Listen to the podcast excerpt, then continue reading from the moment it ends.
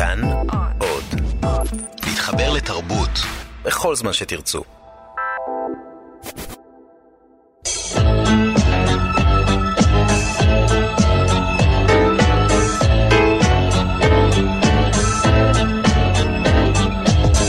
גיבור תרבות הדוקטור דן הרב והדוקטור דוד גורביץ' באולפן עם יונתן גת.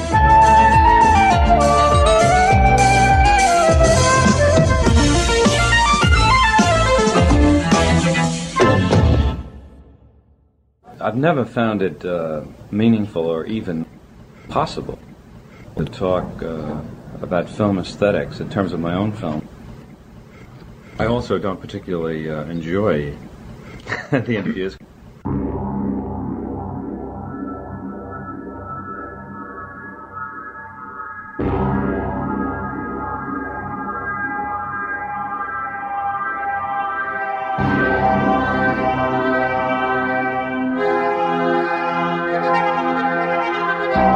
כן, שמענו את קולו של אה, גיבור התרבות שלנו לתוכנית הזאת. קול לא מוכר במיוחד, מכיוון שהוא מיעט להתראיין, אבל את היצירות שלו אני חושב שהרבה מאוד מכירים, וזהו הבמאי סטנלי קובריק, שבימים אלה אנחנו מציינים 90 שנה להולדתו, ואנחנו כאן, דוקטור דוד גורביץ', אהלן. אהלן. דוקטור דן הרב, היי. ואני יונתן גת, וכן, אנחנו ברקע שומעים את פס הקול של אחת מיצירות המופת הקולנועיות שהוא חתום עליהן, תפוז מכני. והיום יש לנו עסק עם במאי ענק, אחד הגדולים ביותר בתולדות הקולנוע, במאי בלתי נשכח. כמעט כל מה שהוא נגע בו הפך ליצירה שמהדהדת את עצמה שנים אחרי שהיא נוצרה. כמעט כל סרט שלו הפך לאייקון היסטורי, עם סממנים של קאלט מדוקטור סטרנג'לאב, דרך הניצוץ, ואודיסאה בחלל, Full Metal Jacket, ותפוז מכני כמובן. once ראית סרט שלו, הוא איתך לנצח, אי אפשר להוציא אותו מהראש. יונתן, מה שאמרת מאוד מוצא חן בעיניי, זה נכון, הוא לא עשה הרבה סרטים, אבל mm-hmm. כל אחד זה one off, ובאמת הגיוון שלו, העובדה שהוא פעל בכל כך הרבה ז'אנרים, בכל כך הרבה נושאים, אני, אני חושב שזה אכן הדבר הזה הוא מאוד אייקוני. יש כל כך הרבה דימויים וכל כך הרבה רעיונות שאנחנו לוקחים איתנו הלאה מהסרטים שלו. אין ספק שהוא אחד הבלתי נשכחים, כן. זה ללא ספק נכון. כן, אני בוודאי מסכים שהוא אחד הבמאים הגדולים וגם האהובים עליי. אני אוהב את קוברי בגלל ש... בגלל כמה וכמה סיבות. ראשית, הוא החוקר הגדול של גבולות התשוקה, למשל בעיניים עצומות לרווחה. שניים, קובריק הוא החוקר הגדול של החירות סלש העבדות הקפיטליסטית, טוטליטרית. סרטים אה, לא חסרים, מצד אחד אני יודע סרטים, סרטים מלחמתיים, עוד בשנות החמישים ואחר כך כמובן דוקטור סטרנג'לאב, ואחר כך גם באיזושהי צורה הקפיטליזם הזה של התשוקה בעיניים עצומות לרווחה. זה העניין של החירות. דבר שלישי מה שאני אוהב אצלו זה בעצם הרעיון אה, של הגורל, הדברים הבלתי צפויים בחיים. למשל בסרט כמו The Killing, שהוא פילם נואר. על כל אלה, אני חושב שבאמת ראוי לתואר הגדול הזה. סטנלי קובריק נולד בשנת 1928 למשפחה מבוססת שהרשתה לעצמה לקנות לו מצלמה יקרה כשהיה ילד, דבר ששינה את חייו. כבר בנעוריו הפך לצלם רציני, ובגיל 17 מכר את התצלום הראשון שלו למגזין האמריקאי לוק, בהמשך הפך לאחד הצלמים המוכשרים של העיתון. בגיל 25, כבר אז, ביים את סרטו הארוך הראשון, Fear and Desire, סרט שלא התגאה בו במיוחד, ואפילו ניסה למנוע את הפצתו בהמשך. אשתו השלישית הייתה בתו שלא פחות מהבמאי הגרמני פייט הרלן, שביים את סרט התעמולה הנאצי היהודי זיס, יש לציין שאחרי המלחמה הרלן נוקה על ידי השלטונות האמריקאים מאשמה, כי הצליח להוכיח שהדבר נכפה עליו. את סרטו שבילי התהילה, שהעביר ביקורת על הקצונה הצרפתית במלחמת העולם הראשונה, צנזרו כאן בישראל, מחשש ליחסים עם צרפת, שתרמה לנו את המיראז'ים, וגם מתקן מסוים בדימונה. על סרטו דוקטור סטרנג'לאב כתב אחד העיתונאים באמריקה שקובריק גורם נזק תדמיתי למדינה עד כדי כך שצריך לפגוע בו פיזית, הוא היה כל כך אובססיבי לעבודה שלו, שהוא היה בודק באופן אישי את כתוביות התרגום בסרטים, כדי לוודא שכל השפות הזרות תורגמו כמו שצריך ובאופן מדויק. הוא נפטר בשנת 1999 בגיל 70, ועוד דבר אחד, קובריק היה ידוע ככזה שמצלם כל סצנה הרבה מאוד פעמים.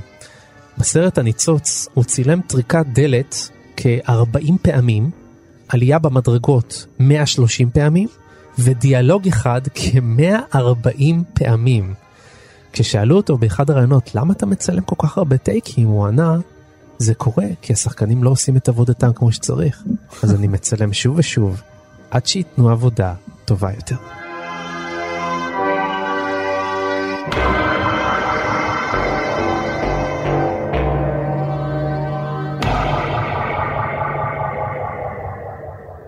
תמיד כשאני חושב על uh, סרט של uh, קובריק, אז uh, תמיד נראה לי מפואר, סימטרי, מרהיב, שובה עין. זה נראה טעים למאכל, אבל בפועל זה רעיל. זה, זה מטריד. זה, זה מטריד. זה תמיד מטריד. זה תמיד כשיש משהו מאוד נעים ויפה ומסודר, יש מאחוריו שיגעון, חולי. כמו שאנחנו חושבים על למשל דוקטור סטרנג'לאב, חדר המלחמה הוא כל כך סימטרי, הכל כל כך מוקפד ומתוקתק. אובלי כזה, אובלי כזה, אובלי. כן, אובלי, והם חולי נפש. אנשים שיושבים שם מסביב, אלה שמקבלים את ההחלטות על הפצצה, על ה Doomsday Machine, האם העולם ייהרס או לא. הם טרללה לגמרי. אותו דבר אתה יכול להגיד על התפוז המכני. לגמרי, יונתן, אתה נגעת, אני חושב, בדיוק בנקודה שהיא, קובריק הוא המשורר הגדול שמחבר את הזוועה ואת האסתטיקה. אני חושב שזה הסיפור שלו, היכולת שלו, באמת, כמעט כל הסרטים שלו, לא מעלה בדעתי סרט מענג מפרי עטו. שאין בו את זה. שאין בו אסתטיקה עילאית, קפדנית, שכלתנית מאוד. גאונית, משחק מופלא. כל הדברים, צבעים, מוזיקה כמובן, נדבר על זה מן הסתם. נקודת המפתח בלהבין את האסתטיקה שלנו, לא מדברים על האסתטיקה הכללית של, זה באמת החיבור בין אסתטיקה, יופי, עונג של צפייה, עונג של החזותי, עונג חזותי, לבין רמת האלימות האינסופית אה, שספוגה בתוך העומק הזה. עכשיו, אנחנו הבורגנים מוכנים באמת לקבל את העונג הזה של להסתכל על האלימות, ובתנאי שזאת לא תהיה האלימות שלנו, נכון? מה שעושה לנו בעצם קובריק זה מראה איך השיטה מייצרת לנו את האלימות הזאת כדבר מענג. לדוגמה, הוא מראה את זה כבר בשבילי תהילה, איך המוות, איך ההסתערות, היא מצולמת בצורה אסתטית והירואית, מדליקה. דברים כאלה חזר אחר כך גם פסבידר בצורות אחרות, uh, ומצד שני לא מאפשרת לנו לראות אפשרות לביקורת על המלחמה. אנחנו נפעמים לרעיון הזה של ההירואיות, של הפטריוטיות. Mm-hmm. אבל הרעיון הוא של לראות את האלימות שבתוכנו, האלימות של המדינה. אין דבר יותר אלים מאשר המדינה. אתה יודע מה אמר ניטשה? כן. רבים מדי הנולדים, למיותרים נוצרה המדינה. למיותרים נוצרה המדינה, והמיותרים האלה הם הבורגנים, הם שולטים בעניינים. אז הם לא רוצים לראות את עצמם מיותרים, בוודאי לא לראות את האלימות של עצמם. אז uh, החשיפה של זה, זה בעצם להעמיד את החברה מול הרפש של עצמה. דבר שהוא נועז מאוד לבן אדם, לאומן. זה תפקידה של האומנות. להציב לנו, הייתי אומר, מראה ביקורתית קשה לעיכול מול מה שאנחנו לא רוצים לראות. הוא עושה את זה נהדר.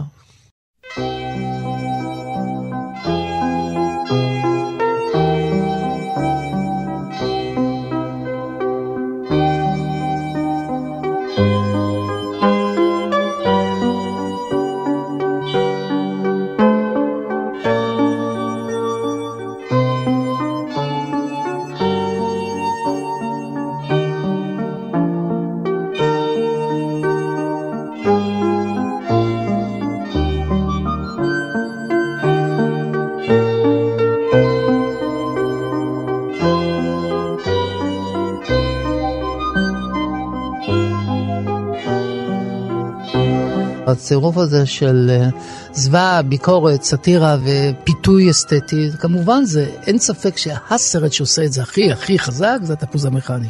הנושא הוא מוות מצד אחד, אלימות שאין בה אה, סוף, והמוות והאלימות נעשים על ידי אסתטיקה, כאילו רנסנסיס, קרנבלית, מובהקת, כלומר, לצד החיצוני מועצמת בצורה חזקה יותר מאשר בסרטים אחרים. כן, בוא נזכיר למאזיננו שסטנלי קובריק, גם מבחינה מוזיקלית, הוא עושה דבר מזעזע, הוא לוקח את הנרי פרסל, הוא לוקח את מוזיקת ההשכבה למלכה, מסמפל אותה ומסנטז אותה למוזיקה אלקטרונית ומלביש אותה על סצנה שבה כנופיית ה Clockwork, ה Orange נכון. הזאת, יושבת עם הבגדים המוזרים, עם כתמי הדם, שותים את החלב שלהם בבר הפרה המשוגעת, כן. וזה האתנחתא שלהם בין אונס לבין רצח ובין שוד ובין התעללות בחסרי ישע. נכון, בוא נגיד לך יותר, בוא נגיד לך יותר מזה, בעקבות המוזיקה הזאת. השיא הוא עוד דרגה נוספת, והוא כמובן הסימפוניה התשיעית של בטהובן. של בטהובן, כן. ששם דרגת הציניות עולה המדרגה. כאלף, המוזיקה להשכבת המתים זה אכן מוזיקה שמקדימה את השכבת המתים ואת הקהל המוות הזה של כמעט הרצח של אותו סופר מתוסכל, איש שמאל וכיוצא בזה, והאונס האכזרי של אשתו שמתבצע בסרט, כן. התפוז המכני. אבל מה שמניע אותם, מה שמדליק את השיגעון שלהם, וגם מה שמהווה אחר כך ניסיון ציני לריפוי שלהם, זה הסימפוניה התשיעית של בטהובן, שמשמיעים אותה בכל מיני סיטואציות כן. תרפוידיות כאלה ואחרות. הציניות כאן לא יודעת גבול, כי הרי בסופו של דבר, איך זה מתקשר אחד לשני, הסרט uh, התפוז המכני, זה מין מסה צינית על הרצון לשחרור באמצעות אלימות, מין פרודיה שחורה על שנות ה-60, שגם הם חשבו שבאמצעות אלימות מסוימת, אינטלקטואלית של צעירים, אפשר לשנות, לעשות מהפכה של השלטון. ולקשר את האלימ... הפרודיה הזאת על האלימות של שנות ה-60 לאלימות המשחררת שמתבררת בתוך הסימפוניה של בטהובן, במיוחד בפרק האחרון, העודה לשמחה של שילר, כל בני האדם הם הכי מתחת לתבל, זה הקטע המפורסם של טה טה טי טה טה טה טה טה טה טי טה טה וכולי. תמשיך, דוד. אה, אני רוצה שישאר לנו מאזין נוסף, עוד כבר שניים הלכו. המוזיקה הזאת מהדהדת, זה לא סתם כן. מרכיב, זה המרכיב. המרכיב הזה הוא מרכיב של שוויון, של שחרור, של מודרניזם, של עולם חדש בעקבות המהפכה, שבטמן תומך בה, המהפכה הצרפתית. הוא כותב את ה-24, אבל עדיין זה אחרי הדיכוי הגדול של נפוליאון, הוא רוצה לחזור למקורות, ל-1789, למהפכה המוליכה את העם, לתמונות המפורסמות של אה, דלה קרואה, ישן דלה קרואה. אז אם האלימות נעשית בחסות השוויון והצדק, אנחנו מגיעים לסאטירה אכזרית על כל העקרונות של המהפכה. ולכן זו סאטירה למהפכה של שנות ה-60, כמו שהיא סאטירה על כל אם המהפכות. כן. בסופו של דבר הסאטיריקונים והאנשים האלימים והאנשים האוונגרדים האלה הופכים להיות אחר כך מלחכי פנקה של השלטון, משת"פים שלהם, והאלימות הכי גדולה שמופעלת על ידי השלטון שמצליח בעצם לתעל ולעשות מניפולציה לאלימות של הציבור לצרכים שלו. אז איפה אנחנו נמצאים כאן? בסוף עידן המהפכה. וזה הוא עושה, ל-68 כבר סוף עידן המהפכה, מה שכמובן הפך לנכון, שנות ה-70-80 אין יותר מהפכה, נגמר, עידן המהפכני נגמר. ואנחנו מדברים היום על מאורעות, אני יודע, פריז כמין סוג של נוסטלגיה של סטודנטים בני תפנוקים שלא ידעו מה הם רוצים ולא הצליחו אפילו להתחבר לעובדים כדי לחולל איזושהי מהפכה.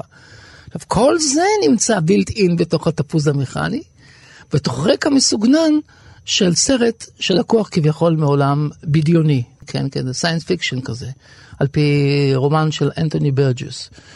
טוב, זה, זה, זה אריזה מדהימה של אלימות, שחרור, ציניות, ובעיקר הצבעה על זה, חברים, על מה אתם מדברים פה?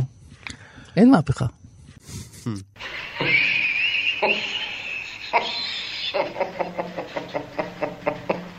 You are now a murderer, little Alex. A murderer. Not true, sir. It was only a slight told shock. She was breathing, I swear it. I've just come from the hospital. Your victim has died. You try to frighten me, admit so, sir. this is some new form of torture. Say it, brother, sir. It'll be your own torture. I hope to God it'll torture you to madness. הסרט הזה בעצם הואשם באלימות עצומה. נכון. זה הדבר שאנחנו זוכרים.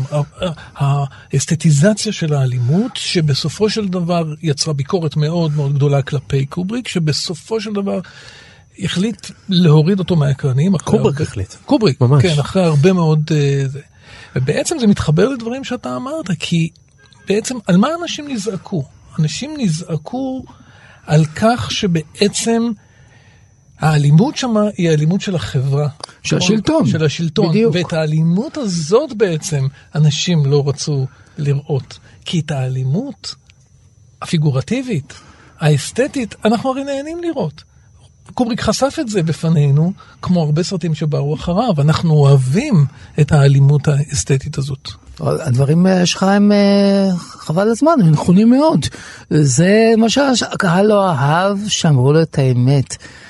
הדיקטטורה האמיתית היא בשיטה הדמוקרטית שלכם, שאלימות היא חלק built-in בתוכה, ולא אלימות של אנרכיסטים המופרעים, כן. אנשי science fiction עם הפרה המשוגעת בברים האלה והריקודים האלה עם שק האשכים בסגנון הרנסאנס שמתנדנדים כאן באיזה מחזה שקספירי שירד באפסים. זאת לא הנקודה. כן. הנקודה היא המופרעות של השלטון. הרי השלטון עושה שטיפת מוח אחר כך לקורבן שמתגייס לטובת מסע פרסום. נגד האלימות. כן. כן. אתה מבין? זאת אומרת, זה ניצול של המערכת, כאשר אין דבר אלים יותר מאלימות של המדינה. כן, הבורגנות תמיד תשמח לראות אלימות כל עוד היא מסומנת כאלימות של האחר. אז זה מחוז של עונג. אבל האלימות שלה עצמה, לזה הבורגנות לא דברי, לא מוכנה דברי לקבל. אלוה, דברי אלוהים חיים, נכון. היא רוצה, היא מוכנה לראות שהפראים האחרים הם האלימים, זה לא תפקידם. לא רק מוכנה לראות, היא מתענגת מזה. נכון. עכשיו, אנחנו? אנחנו נגד אלימות. אנחנו בעד שלום.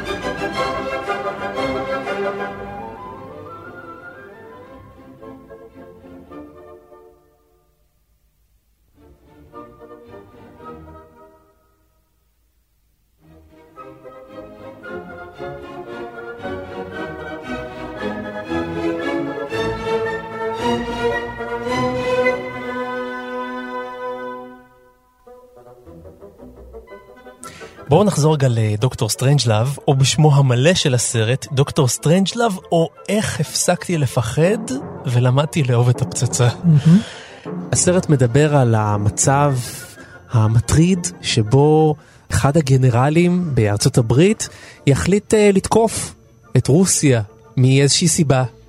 ורוסיה תפעיל את ה Doomsday Machine, מכונת ההרג האוטומטית שפועלת ברגע שרוסיה מותקפת.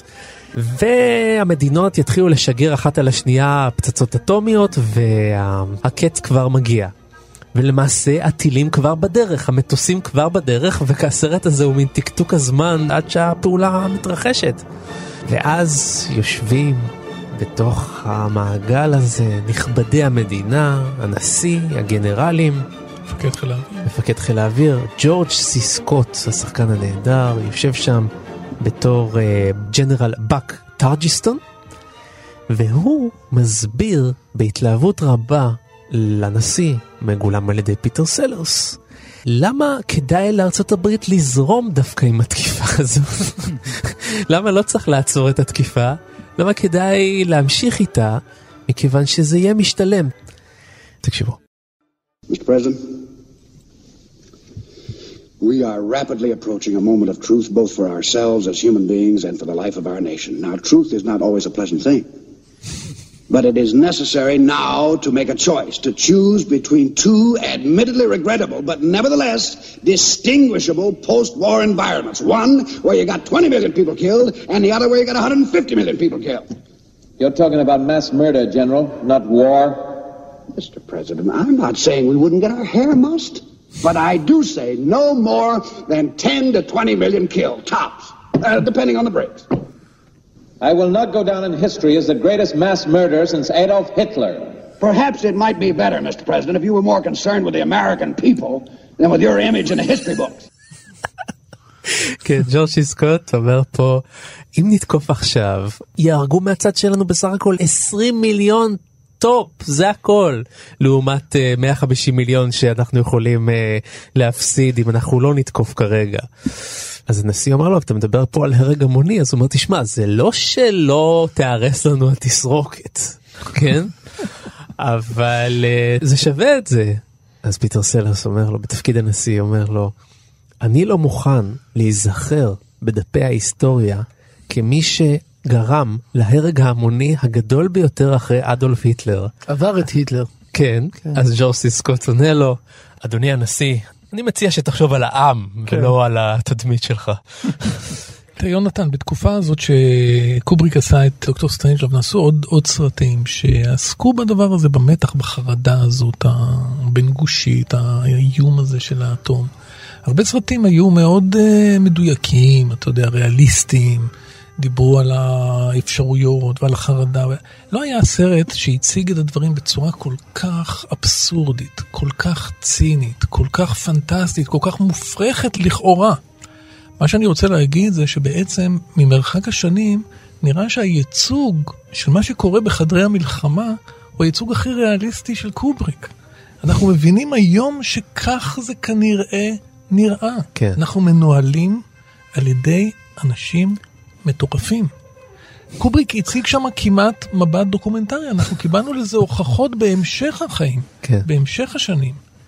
בחדרים האלה יושבים אנשים שיכורי כוח, אנשים שמה שמעסיק אותם זה איך הם ייזכרו בהיסטוריה, אנשים שמשחקים בחיי אדם. אנחנו מבינים את זה.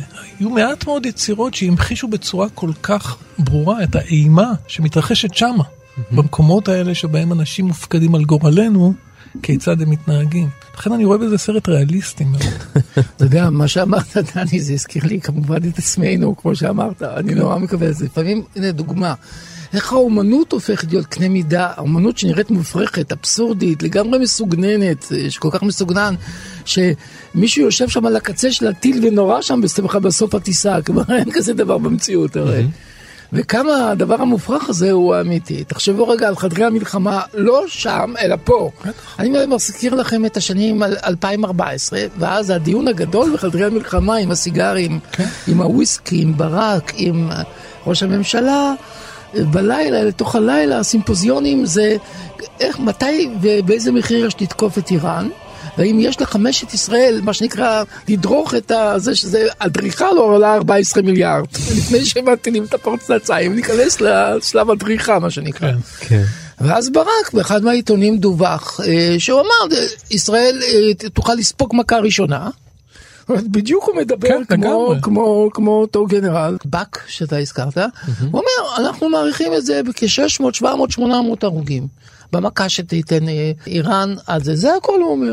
800 אנשים, מה זה לא שווה? 800 אנשים, אנחנו פה 10 מיליון אנשים, 8 מיליון. אלה שם זה 80 מיליון, 800 איש. זה כאילו מדבר איתך על כסף קטן.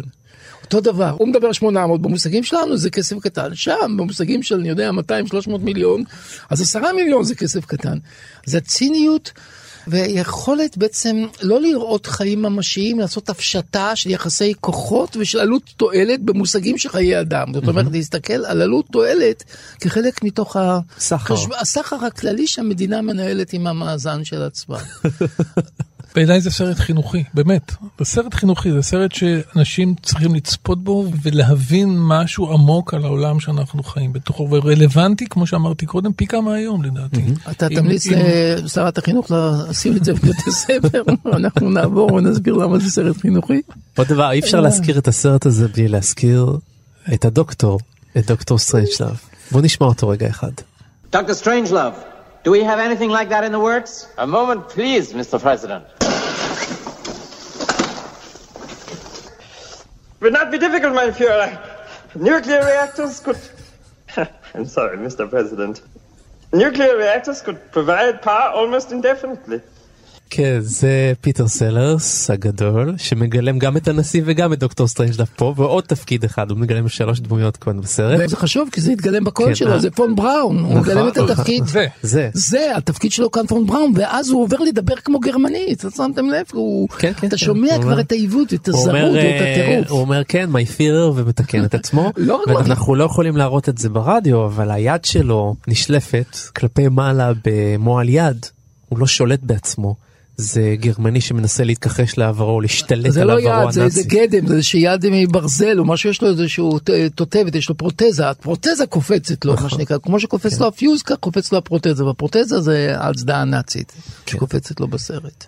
ובעצם זה דבר uh, קצת נכון, כי האמריקאים באמת טיהרו והכשירו כל מיני uh, מדענים גרמנים כן, זה, זה ברמה הראשונה, השנייה. נכון, בהחלט, הם קלטו וחלטו, וכמובן כולם נהנו מכל מה שהמציא היטלר, אבל הנקודה היא שיתוף הפעולה בין שתי דיקטטורות, אחת קפיטליסטית אה, דמוקרטית, והשנייה אפלה ופשיסטית, זה אותו עולם, הוא אומר, זה עולם של כוח, עולם של ציניות, עולם, לא עולם החופש מול העולם של הזוועה והמוות של היטלר. זה היטלר הישן וההיטלר בחדרי המלחמה של שנות החמישים אחרי פוסט מקארתי בארצות הברית. והעובדה שאותו שחקן מגלם גם את הנשיא. וגם את המדען, כן. היא בעצם, מעבר כמובן לניצול היכולת המשחק המדהימה של, אה. של סלרס, יש פה גם כמובן אנלוגיה ברורה בין שתי דמויות כביכול שנמצאות בצדדים שונים, אבל זה אותו דבר, אומר לנו קובריק. ארצות הברית הם הדמוקרטיות והם המדינות האפלות, זה לא רחוק אחד מהשני. וכמובן הדבר השלישי הקומוניסטים שגם הם סוג של אה, דיקטטורה אבל ההשוואה הכי חזקה היא בין אמריקה להיטלר זה ההשוואה.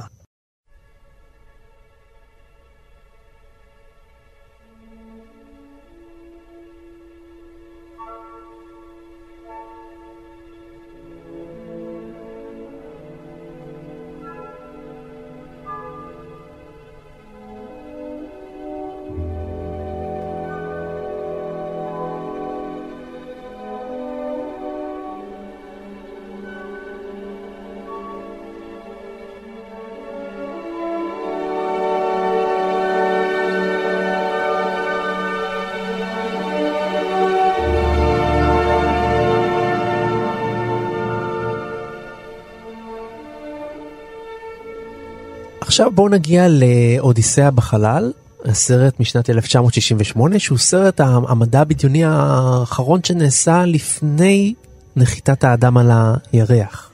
בואו נשמע רגע קטע מתוך הטריילר לסרט, הבקרוב. With three of its five crew asleep in hibernation, spacecraft Discovery 1 voyages towards Jupiter. Controlling the mission is a talking computer known as HAL. Hal, you're the brain and central nervous system of the ship. Does this ever cause you any lack of confidence? Let me put it this way, Mr. Raymer. No 9000 computer has ever made a mistake or distorted information.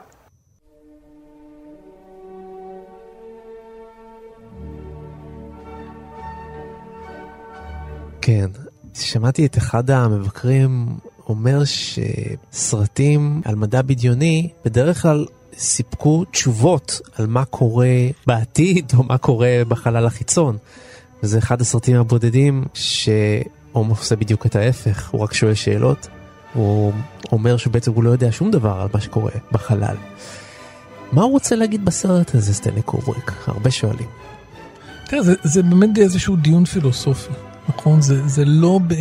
סרטים קודמים אתה יודע, עסקו אולי באיזה שהם אה, פנטזיות כאלה, אני יודע, מה, סל הירח של מליאס, כן, הדבר הזה שהקולנוע מאפשר לנו לדמיין עולמות רחוקים ולהתענג על הדמיון וכן הלאה. זה לא הסיפור של קובריק, ואני חושב שהחשיבות של הסרט הזה היא עצומה, מעבר לגדולה של הסרט הזה, ש-50 שנה אחרי, כן, אחרי ממש 50 עשייתו. הוא עדיין רלוונטי לחלוטין. רענן, אתה יכול לצפות בו והוא מעניין היום, עם כל האפקטים שלמדנו שנעשו מאז וכל סרטי החלל מהמם. שצפינו בהם וכן הלאה, הסרט הזה עדיין מחזיק מעמד. אבל מעבר לעובדה שהוא סרט חשוב, הוא סרט שאני חושב יצר תת ג'אנר בפני עצמו, כל uh, מלחמות הכוכבים למיניהם, נכון. כן, כל הפנטזיות החלליות שאנחנו מכירים באים אחריו, והם לא יכולים שלא להתייחס אליו באיזשהו אופן, הם יונקים ממנו. זאת אומרת, הדיון הזה שמערב אדם, חלל, זמן, תפיסה, היסטוריה, מוצא האדם, כל הדברים האלה, כל השאלות האלה שתמיד עולות בסרטים ה-so called פילוסופיים האלה, זה, שם זה מתחיל. זה סרט שבעצם יצר בעצם בסיס לקולנוע חדש, שלא היה קודם, פשוט לא היה קולנוע מן הסוג הזה. מהמם. זה דבר אדיר, שאתה יכול לסמן סרט אחד שיוצר זרם בקולנוע. לגמרי. בעיניי יש שני דברים חשובים שבאמת הסרט הזה המציא, הוא פתח אותם לדיון. באמת, אה, כשאנחנו מדברים, אנחנו לא מדברים על טכנולוגיה ולא מדברים על איזשהו סיפור מורכב, מדברים על כל הסרטים שלו, שם לב, בצורה פילוסופית. כן. באמת, הוא קולנוען פילוסוף, זה יהיה מאוד נכון להגיד. לא חשוב איזה ז'אנר הוא עסק, הוא עסק בפילוסופיה של... פילוסופיה של חיי אדם, פילוסופיה של התשוקה, פילוסופיה של המלחמה. של הכוח, של של הכוח, הזמן. של הזמן, של, ה, של, ה, של האידיאולוגיות. פילוסופיה של האידיאולוגיה וכיוצא בזה. וכאן לדעתי הוא עוסק בשתי אידיאולוגיות. אחת, החלום הגדול של האדם היה תמיד לעוף אל מחוץ לכדור הארץ. מאז ליאונרדו דה וינצ'י והמכונות המעופפות שלו, המשך בז'ול ורן והמסע על הירח וה- והמסעות בכדור פורח וכיוצא בזה.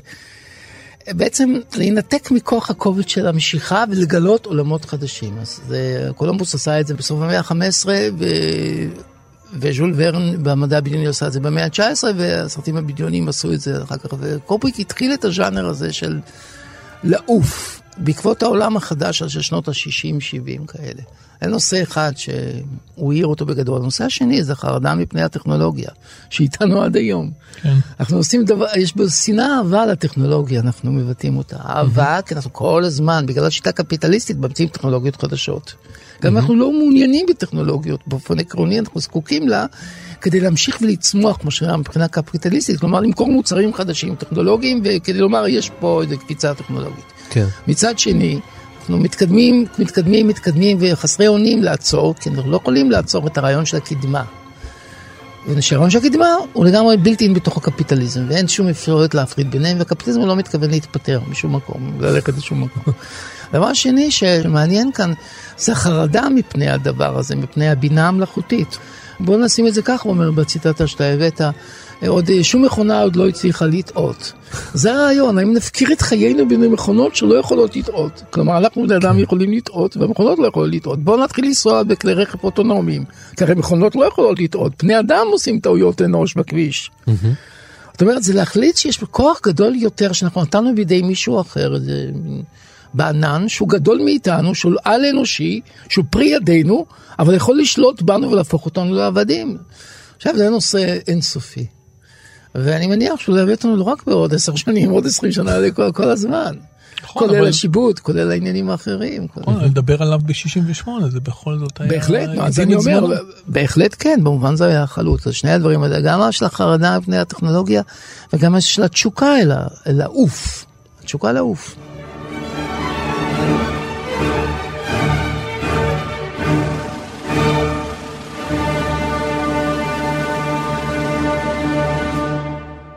ואיתנו מי אם לא נחמן אינגבר, מבקר הקולנוע וחוקר הבית שלנו. היי נחמן. היי. נחמן, מה אנחנו בכלל יודעים על סטנלי קובריק, האיש? מעט מאוד, לא?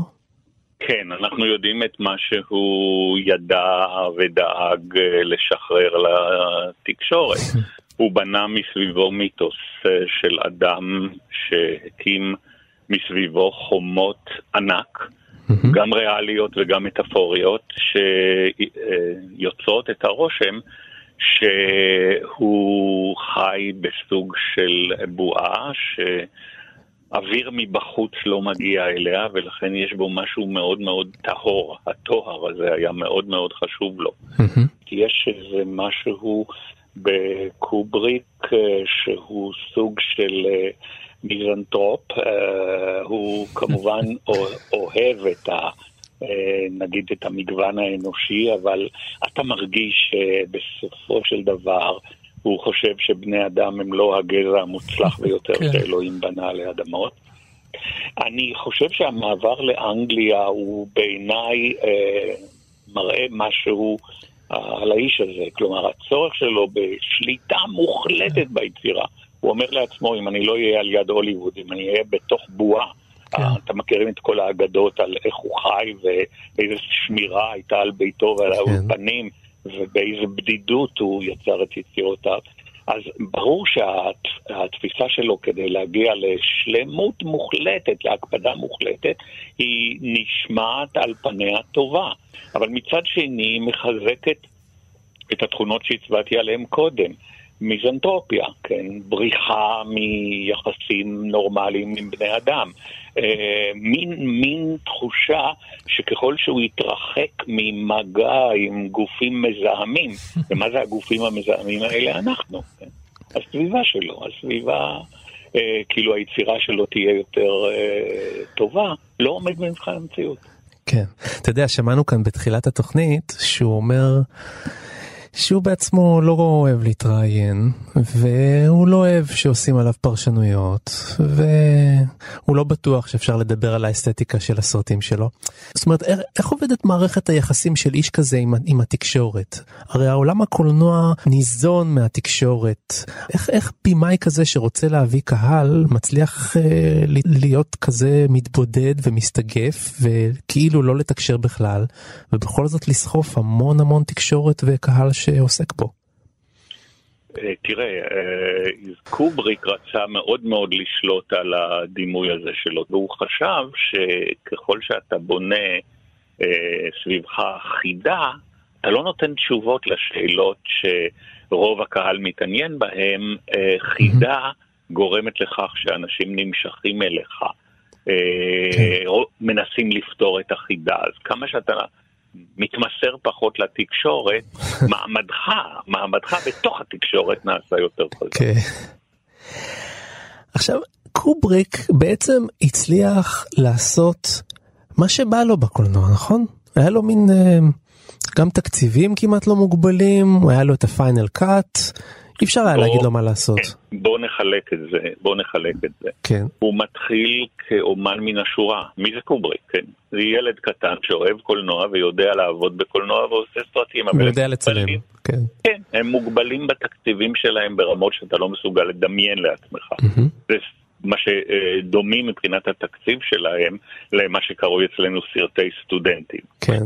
ואז מה שקורה זה איזה מפנה ביצירה שלו שהוא מקרי. קרק דגלס, ששיחק אצלו בסרט שבילי תהילה, mm-hmm. ממליץ עליו שיביים את הסרט ספרטקוס אחרי שהתגלה הריב בין ההפקה ובין הבמאי. במאי הקודם, כן. הקודם, אנטוני מן. והוא עשה זאת כי הוא כל כך אהב את סגנון הבימוי של קובריק בשבילי תהילה. כן. ואז קובריק עובר בבת אחת ממעמד של במאי שעושה סרטים.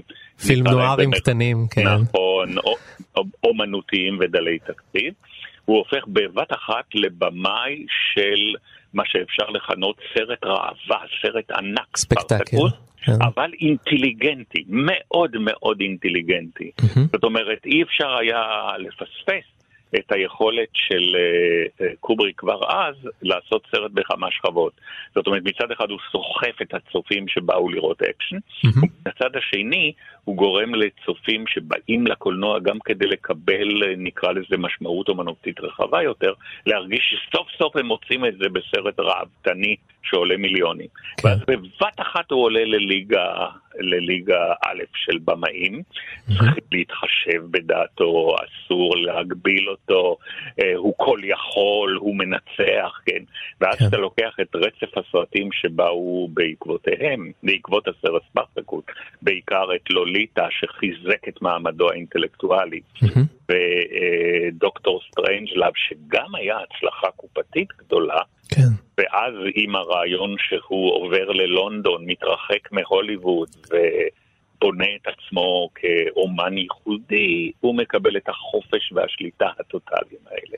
כן. זה תהליך, זה לוקח לו שנים. אבל מ-2001 איש יותר לא יפגע או ינסה אה, לפגוע בעבודתו של קובריק. נחמן, אתה רואה עוד בימאים כאלה שנותנים להם יד כזאת חופשית? הרי הוא, מה, הוא עבד שנים על עיניים פקוחות לרווחה, 12 שנה עד שהסרט הזה יצא לפועל, ושנים הוא- צילם תמונות סטילס בסטים לפני הצילומים האמיתיים, בזבז המון המון כסף על ההפקה עוד לפני שפריים אחד צולם. יש דברים כאלה היום?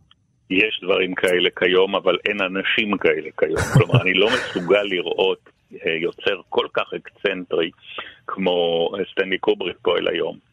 אבל אם אתה מגיע לרמה של סטנלי קובריק, והיום יש רק יוצר אחד שהוא ברמה הזאת, וזה כמובן החצי ישראלי קוונטין טרנטינו. כן, חצי ישראלי זה נכון. לקוונטין. לקוונטין יחכו, יחכו גם 18 שנה, ואת קוונטין יממנו גם 25 שנה. כן. אה, אתה כל כך מאמין ביכולת שלו, אה, ואתה מוכן ללכת איתו עד הסוף, כי הוא הוכיח את זה. כן. הוא הוכיח את זה. כן. ולכן אני חושב שלמרות שהם שונים, אי אפשר למצוא דמיון ביניהם, אה, יש דברים כאלה גם היום. נחמן, אם כבר שמענו שאתה החלטת לפרוש מהוראה, אה, זה קצת מוקדם לדעתנו, אבל אה, מהתוכנית שלנו אין לך זכות אה, פרישה, אתה ממשיך איתנו. בשורה ישחרר רק המוות. בדיוק. כן, אני, אני אציין שמעולם לא ביקשתי לפרוש, ואני גם לא מבקש. תודה. רבה, נחמן. תודה רבה. תודה רבה נחמן, ביי ביי. May I say one other thing to you? It was really on my mind. I've been thinking about it quite a lot. I noticed when you was checking in, you had a lovely, pretty little girl with you. She was really lovely. I, as a matter of fact, she wasn't so little. Come to think of it, she was a fairly tall little. Well, I mean, taller than little. You know what I mean? But uh, she was really lovely. I wish I had a lovely, pretty, tall, lovely little girl like that. I mean, it's Well, that was, that was my daughter. your daughter. Gee, isn't it great to have a lo- lovely, tall, pretty, little, small daughter like that? It's really wonderful. יש כאלה שסופרים סרט אחד כסרט הראשון המשמעותי של קובריק, חלק חושבים שבילי התהילה, אבל יש גם כאלה שחושבים שלוליטה. מכיוון שפה הוא מתחיל לגעת בנושאים הקשים והטבויים. הוא לוקח את הספר של נבוקוב, עושה לו אדפטציה קולנועית, ונבוקוב מתגייס לטובת התסריט הזה. אני יודע שאתה מאוד אוהב את הסרט הזה ספציפית אה, שלו, דוד. כן. מה שהוא עושה שם זה דבר בלתי אפשרי. מצד אחד הוא מתאר סטייה של בן אדם שיש לו קשרים פדופיליים ממשיים, נערה צעירה וגבר מבוגר, כבן 54, פרופסור לשירה, מזדמן לאיזה איזושהי אלמנה שנראית כמו פרת שינה כזאת ולא נחמדה ולא סקסית, והלעומת זאת הבת שלו היא חתיכה והורסת. אז הוא רוצה את החתיכה והוא מתחתן עם האמא בשביל להגיע לבת, מה שנקרא דרך האמא, דרך הלב של האמא מגיעים לבת. ואז הוא ממלא את חובתו במיטה מדי פעם לאימא כדי למרד. אחר כך בסופו של דבר הוא גורם לרצח האם, מוריד אותה מהדרכה ויוצא למסע תענוגות עם הבת הנחטפת החוצה. כן. מעשה שערוריה, מעשה של פדופיליה, מעשה כאילו שבודק את גבולות התשוקה בעידן הפוריטני האמריקאי. זה יוצא, אתה מבין, זה יוצא במשהו כמו 1960 בערך, הסרט הזה. זה עדיין שנות ה-50, זה לא 60's במובן, ש... למרות שזה 1960, זה לא 60's, כן. של השחרור המיני. הוא בודק את הצביעות האמריקאית, את היחס שלהם לתשוקה, את החרדה שלהם מפני המיניות וכיוצא בזה. מצד שני בסרט, שגם בו משתתף פיטר סלרס. בתפקיד כאילו כפול, כי הוא כאילו גם... הוא כפול, הוא גם כאילו... קווילטי. נכון, בתפקיד קווילטי. אז הוא בעצם דרך הסרט בודק את הגבולות הפרובוקטיביים של האומנות. זאת אומרת, המיניות מושווית לפרובוקציה של האומנות. כלומר, הסרט והספר עוסק לא רק בשאלה מה יקרה בין האיש המבוגר הזה והנערה שהיא בת חסותו שלאור, באודיסאה שהם עושים לאורך כל הכבישים של ארה"ב, אלא בשאלה מה היחס בין יופי, תשוקה, כי זה פרופסור לשירה. כלומר, איך להפוך את התשוקה ואת הפרוורסיה לסוג של שירה. כלומר, זהו טקסט רפלקטיבי שעוסק בעצמו, במובן של ספרות, אצל נבוקוב שעוסקת בספרות, וקולנוע שעוסק באפשרויות האסתטיות של עצמו, ובפרוורסיה האומנותית של הקולנוע.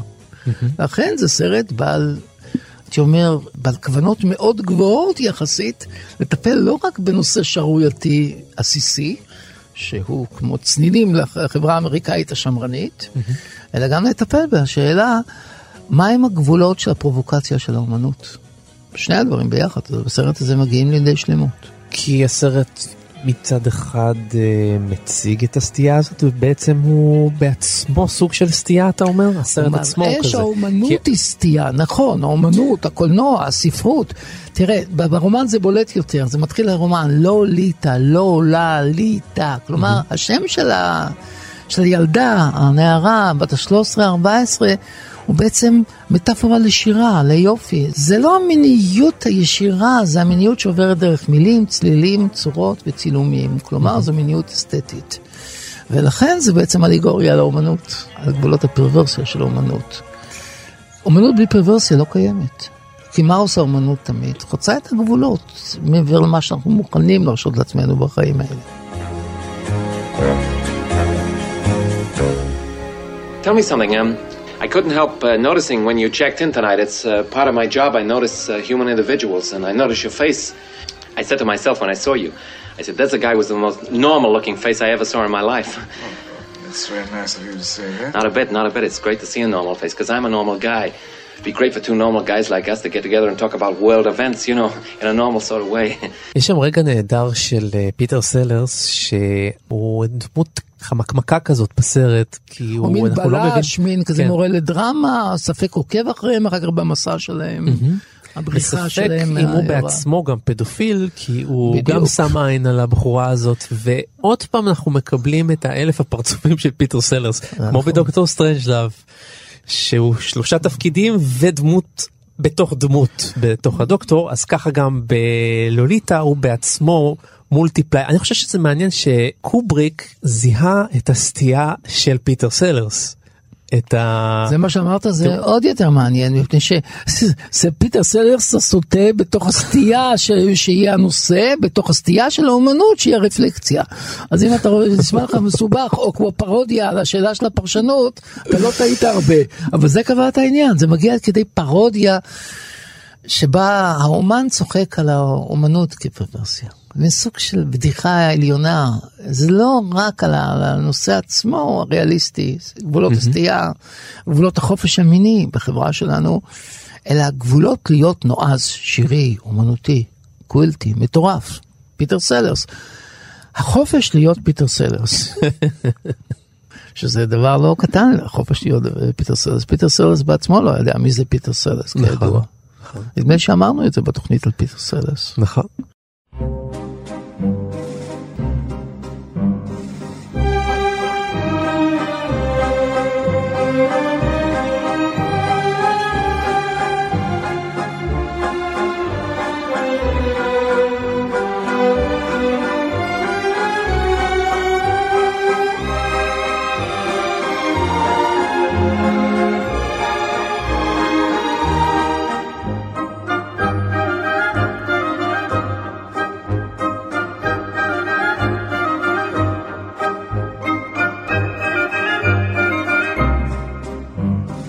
כן, זה ואלף מספר 2 של אה, שוסטקוביץ', והמוזיקה הפותחת של אה, Eyes White Shut, עיניים עצומות לרווחה, הסרט האחרון של סטני קובריק בשנת 1999, שממש ימים ספורים אחרי סיום העריכה שלו הוא uh, נפטר.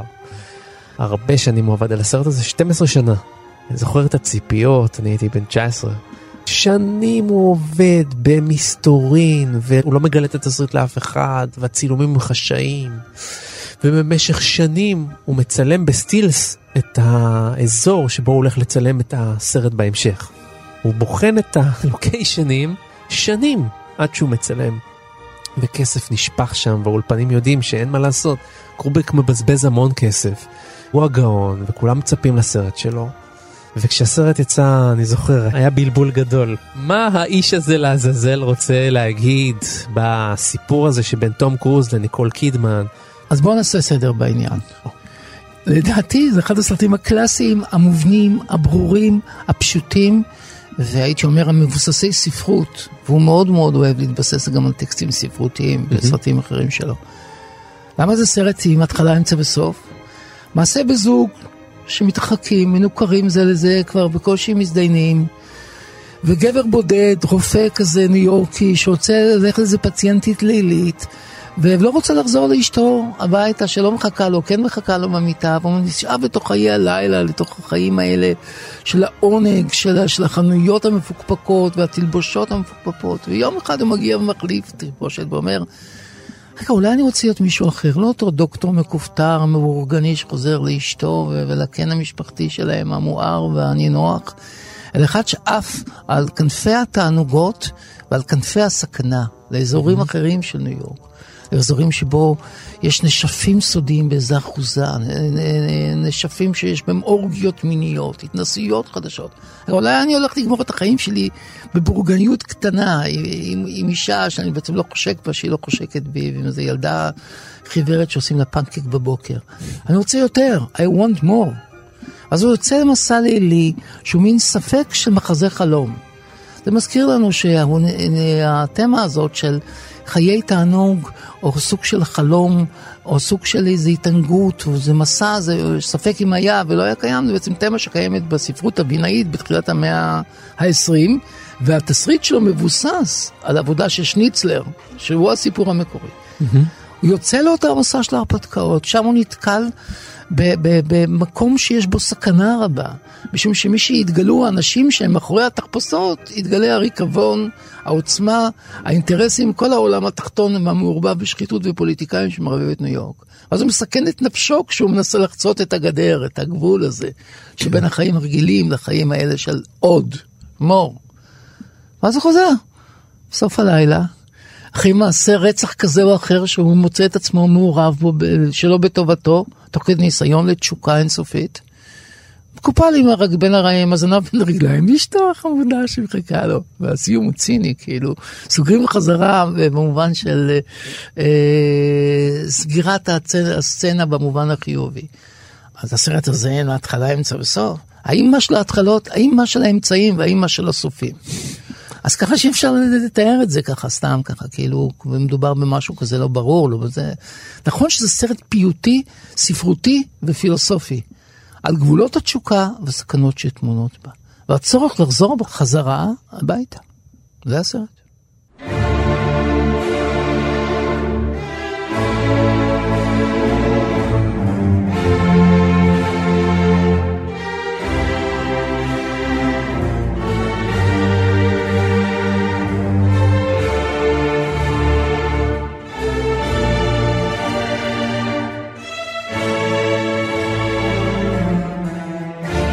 הגענו לשלב ההמלצות וזה אומר שאם הגעתם עד לכאן אז כנראה שקובריק מעניין אתכם ולנו יש עוד כמה דברים אה, להמליץ לכם לגביו.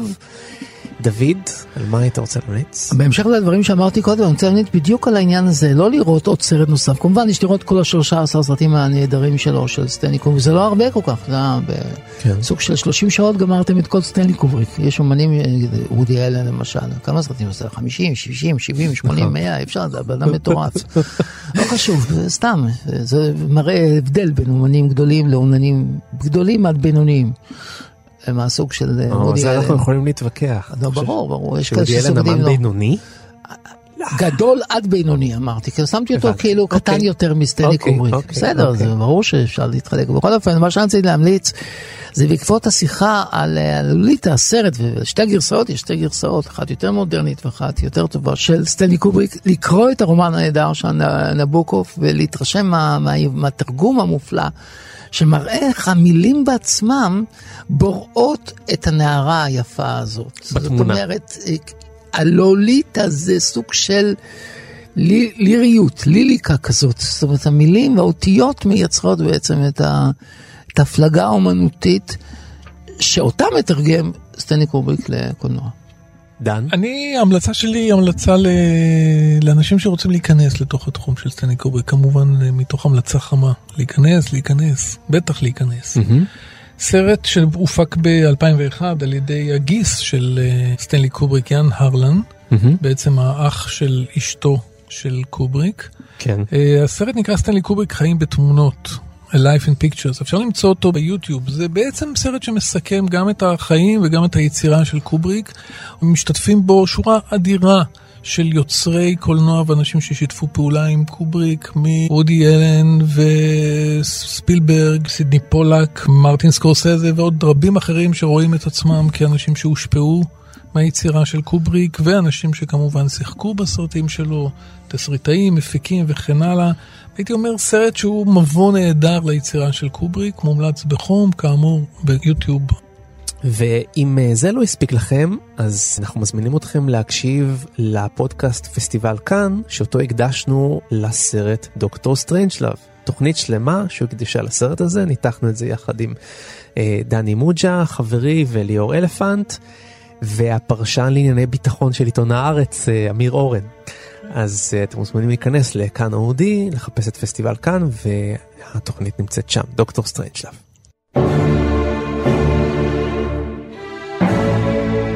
סיימנו, אנחנו רוצים להודות לטכנאי שלנו גיא פלוויאן, לאייל שינדלר ושלומי בן עטיה שהביאו אותנו כאן לשידור. רציתי להגיד לכם שהפסקתי לפחד ולמדתי לאהוב את שניכם, אה, דוקטור דוד גורביץ'. תודה רבה, ואני מקווה שלא רק יונתן אה, הפסיק לפחד מאיתנו, אנחנו גם הפסקנו לפחד מכם, המאזינים היקרים, ואתם הפסקתם לפחד מאיתנו, ואני, כאילו, אתם רואים את היופי של הקולנוע ודברים אחרים, ויאללה, תתחילו לצפות, תתחילו לעשות דברים. תמיד יש לי הרגשה שאני לא יכול לדבר אליכם, תמיד אנחנו מדברים בינינו, במקום כמו שאני רוצה באמת לדבר אליכם, זאת ההזדמנות שלי. אז השתלטתי על המיקרופון ואני אומר לכם. וואו, דוד, אתה ממש uh, עשית פה מעשה של... Uh... ליל המיקרופונים. מרגש. קצת לצאת מהפורמט. כן, לגמרי יצאת, ניפצת את הפורמט. תודה רבה לך, דוקטור דן הרב. תודה רבה יונתן, תודה רבה דוד. תודה רבה דני, תודה רבה יונתן. אני הייתי יונתן גת, ואנחנו נתראה בשבוע הבא עם גיבור נוסף. להתראות לכם. להתראות. ביי ביי.